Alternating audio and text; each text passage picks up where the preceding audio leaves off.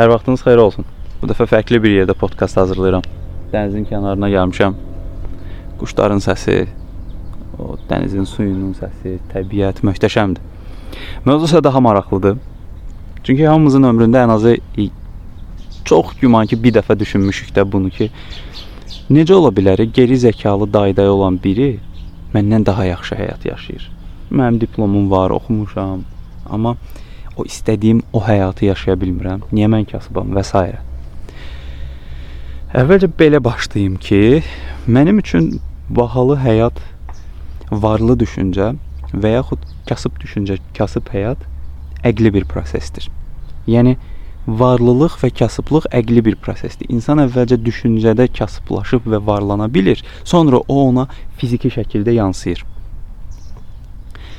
Məsələ budur. Məsələn bax, bizim üçün varlılıq əslində nədir? Yəni kütləvi olaraq. Tutaq ki, Azərbaycanın mental qəliblərində belə bir şey var. Məsələn, varlı bir qızla evlən, atası səni işə düzəltsin. Varlı bir oğlanla evlən, yaxşı həyat yaşa. Yaxşı həyat anlayışı, keyfiyyətli həyat anlayışı dedikdə kiminsə tərəfindən sənə təklif olunan bir pul nəzərdə tutulur və biz adətən bunu mental olaraq evliliyə bağlayırıq ki, yoldaşıdır da, eləməlidir də. Bu proses belə olmalıdır. Varlı qızı tapacaq ya varlı oğlanı tapacaq, evlənsinlər, həyatları yaxşı olsun və s. və s. min dənə belə aforizmlər tapıb yapışdırırıq və budur əslində məsələ. Düşüncədə kasıbıq biz. Söhbət burada pul qazanmaqdan getmir ha. Söhbət varlılığın və ya kasıblığın özünlə və digər insanlara münasibətində onu göstərməyindir. E, tutaq ki, Məsələn, kasıb düşüncələrdən biri insanlar ad kütləvi şəkildə öz işləri ilə məşğul olmurlar. Başqalarının işlərinə burun soxmaqdan zövq alırlar. Bu kasıb düşüncədir. Məsələn, 100 insan götürək, bunun 98-i başqalarının işinə burnunu soxacaq. O ikisi uğurlu olanda maddi və mənəvi olaraq 98-i deyəcək ki, "Gör neynəmsən ki? Boş-boş da, başın xarabdır donsuz da. Əgər onu mən də eləyərdim. Eləmir ha heç nə." Amma qınamağa başlayır. Mənim müəllimimin həmişə qəşəng bir sözü var idi. Deyirdi ki, həyatınızda olan səsinə belə bir hiss eləyir ki, mən danışıram, oradan qışqırır. Hə. Hə, müəllimimiz deyirdi ki, həyatınızda nələrisə ifadə eləmək üçün aforizmlərdən istifadə eləyin. Məsələn, mənim üçün bir aforizmim var. Həmişə deyirəm ki, özün üçün qısa müddətli güzəştlər yox, uzun müddətli öhdəliklər yarat. Qısa müddətli güzəştlər yox, uzun müddətli öhdəliklər yarat. Biz qısa müddətli güzəştlərə meylliyik. Hər şey qısa olsun, soğan olsun, nəqd olsun. E, bu anda eləyim bitsin. Əşi mənə lazımdır uzun uzadı şey eləmək. Bu bilirsiniz nəyə oxşayır? Məsələn, tələbə olanda o imtahana 10 gün qalır, oxumursan, 5 gün qalır, belə də düşünürsən. 3 gün qalır, biraz da 1 gün qalmış yüklənirsən. Qısa müddətli güzəştlər yaradırıq özümüz üçün. E, bir də var uzun müddətli öhdəliklər. Yəni mən 1 il sonra harda olacam, 5 il sonra harda olacam. Yəni biri var deyirsən ki, əşi bilinmir sonumuz harda olacaq. Bunu hamı deyir də, amma biri də var ki, sonunun necə olacağını ehtimal eləyirsən. Bilmirsən, ehtimal eləyirsən. Güman eləyirsən ki, bu bu bu şeylər baş verə bilər. Çünki axı insan öz düşüncəsinin son nəticəsidir. Düşüncəmizdə bu həyatı biz yaşaya bilirik, bu həyatı qura bilirik. Məsələ budur. İkinci bir detal. Məsələn, aforizmləri mən həyatıma tətbiq eləyəndən sonra çox rahatlayıram. Çünki insanın beyni metaforik çalışır. Aforizmlər bizi hərəkətə gətirir. Məsələn, necə olur? Dinlədiyimiz musiqilər, xüsusilə ağlaşma mövzuları həmişə o musiqinin sözləri, musiqinin forması bizim yadımızda qala bilir. Və yaxud qulaq asdığımız nələrsə. Çünki orada aşırı bir duyğusal bağlılıq var. Mən həmişə düşün deyirəm və həmişə də düşünürəm ki, insan öz həyatını duyğusal bağlar üzərində qurmalıdır ki, istədiyi nəticəni əldə edə bilsin. Çünki çox sadə bir mexanizmdir.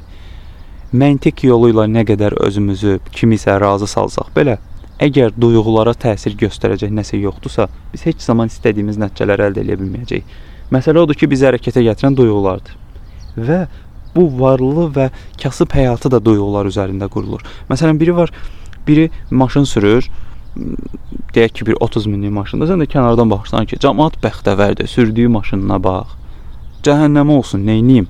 Mən niyə bu kasıb düşüncədə olmalıyam? Həmən beynimə fokusluyuram ki, özümü. Mən bunu necə əldə edə bilərəm? Necə sahib ola bilərəm buna?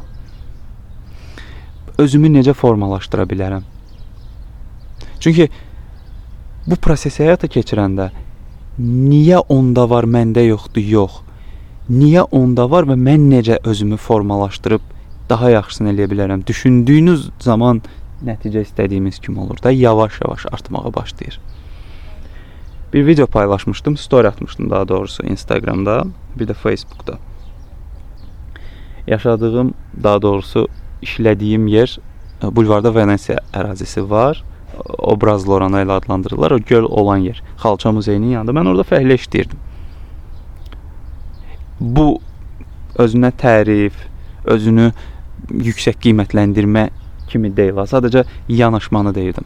Məsəl üçün gecə orada oranın hovuzunun təmiri gedirdi. Mən gecə oranın o fəhlə çalışırdım. Oranın içində olan zibilləri, palçığı falan onları təmizləyirdim. Hər gün ora palçıq olurdu və mən onu təmizləyirdim.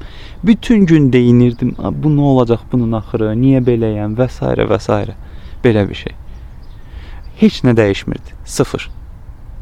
Amma e, bir müddət sonra bir nömrəli xəstəxanadır indi, köhnə Semaşka xəstəxanası. Orda fəhlə çalışanda mən boş vaxtımda götürüb kitab oxuyurdum, fəlsəfə oxuyurdum.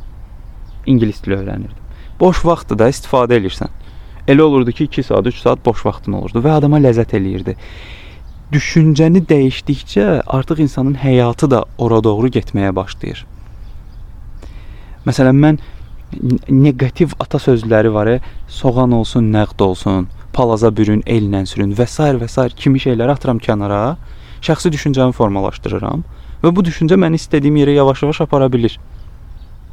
Bütün insanlarla müzakirələrimdə, təlimlərdə və hər yerdə deyirəm. Bax burada da deyirəm. Məsələyə, istənilən məsələyə üç cür yanaşma var. Bu yanaşmanı mən edirəm və bunu etmək mütləqdir. Birincisi akademik yanaşma. Deyək ki, mövzu sevgidir. Sevgiyə akademik yanaşırıq.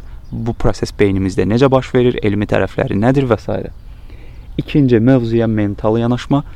Böyüdüyümüz, yaşadığımız yerdə məsələyə necə baxırlar? adət-ənənə, qayda-qanun, mentalitet nə deyir? Bu və üçüncü fərdi düşüncə. Mən nə düşünürəm? Mental qəliblərlə akademik fikirləri ortaqlaşdırıb ona uyğun şəkildə bir fikir formalaşdırmış oluram ki, bu ikisi tə iki tərəfdən bu məsələyə baxanda məndə avtomatik olaraq fərdi düşüncə də formalaşır və həmin fərdi düşüncəni mən öz həyatıma tətbiq edə bilirəm. O fərqlilik deyirik, hamı kimi düşünməmək. Bax artıq o səndə yavaş-yavaş yaranmağa başlayır. Çünki bayaq dediyim kimi də duyğusal bağlılıq yaradıb və düşünməyə başladığımız zaman bir müddətdən sonra görsən ki, tamamilə dəyişirsən. Məsələn, sənə 10 köynək almağa ehtiyac olmuş. 2 köynək alırsan, yaxşı köynək alırsan, keyfiyyətli köynək alırsan və bu sənin həyatına yavaş-yavaş yansımağa başlayır. Hər şeyin keyfiyyətləşir. Qidan, geyim, həyat tərzin və s.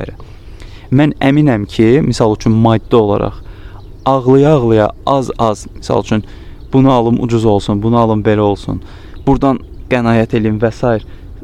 davamlı bu ağlamaq həyatı ilə yaşayırıqsa, bu bir müddətdən sonra bizdə əqli geriliyə səbəb olur. Yəni həyat tərzimiz bu formada olur.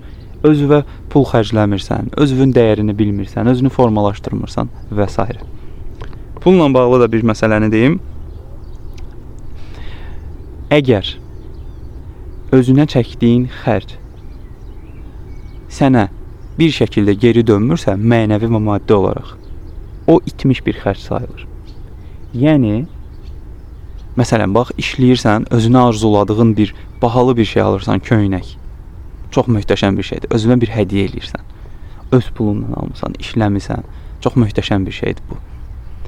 Biri də var ki, özünə köynək alırsan, məsəl üçün 100 manat pulun var, gedirsən 5 dənə keyfiyyətsiz bir köynək alırsan. Bir həftədən sonra bir köynəyin boğazı əyilir. Nə bilim, görünüşü itir. Baxırsan ki, mən nə etdim, nəyə xərclədim bu? Bu artıq sənə geri dönməyən bir faydadır. Daha doğrusu burdan heç bir şey əldə olmur və bu sənə geri dönmür. Heç bir şey əldə edə bilmirsən burdan. Əksinə sənə də ruh düşkünlüyü yaradır. Bir dənə olsun amma tam olsun. Amma bunu sevə-sevə eləmək lazımdır e, ki, yavaş-yavaş bu insanı A nöqtəsindən o Z nöqtəsinə apara bilər deyə düşünürəm. Fikir verdinizsə, bu son cümlələri qarışıq şəkildə dedim. Bunu bilərək dedim əslində. Bir fikir deyirdim. Amma mən düşünürəm ki, indi qulaq asanda deyəcəksiniz ki, "A, qarışdırdım, e, nə demək istəyirdi?" Bax, düşüncələrimiz bu şəkildə olur bizim. Bir şey istəyirik, amma nələrsə beynimizdə qarışır. Necə ki cümlələri qarışdıra-qarışdıra danışırdım. Bax, beynimizdə də proseslər bu şəkildə baş verir. Qarışıq xaos şəklində olan bir şeyi gec anlayırıq ya da ümumiyyətlə anlamırıq. Anlaya bilmədiyimiz şeyi də həyatımıza tətbiq edə bilmirik və çox çətin olur. Belə insan düşüncəsində varlı olur və düşüncəsində kasıblaşır. Əgər bu iki proses müsbət yöndədirsə, pozitiv yöndə və bizi formalaşdıran yöndədirsə, bizim yavaş-yavaş həyatımızda istədiyimiz kimi olmağa başlayacaq. Bu arada Galenvagen sürüb villada yaşamaq varlı həyat olmaya da bilər. Və yaxud adi bir evdə yaşayıb heç maşını olmamaq da kasıb həyatı olmaya bilər. Bunlar tamamilə bizim yanaşmamızdan asılıdır. Özümüzü rahat, xoşbəxt hiss eləyirikmi? Bütövləşmə varmı, tamıqmı? Və bunlara diqqət etmək lazımdır. Dinlədiyinizə görə təşəkkür edirəm. Fikirlərinizi yazmağı unutmayın.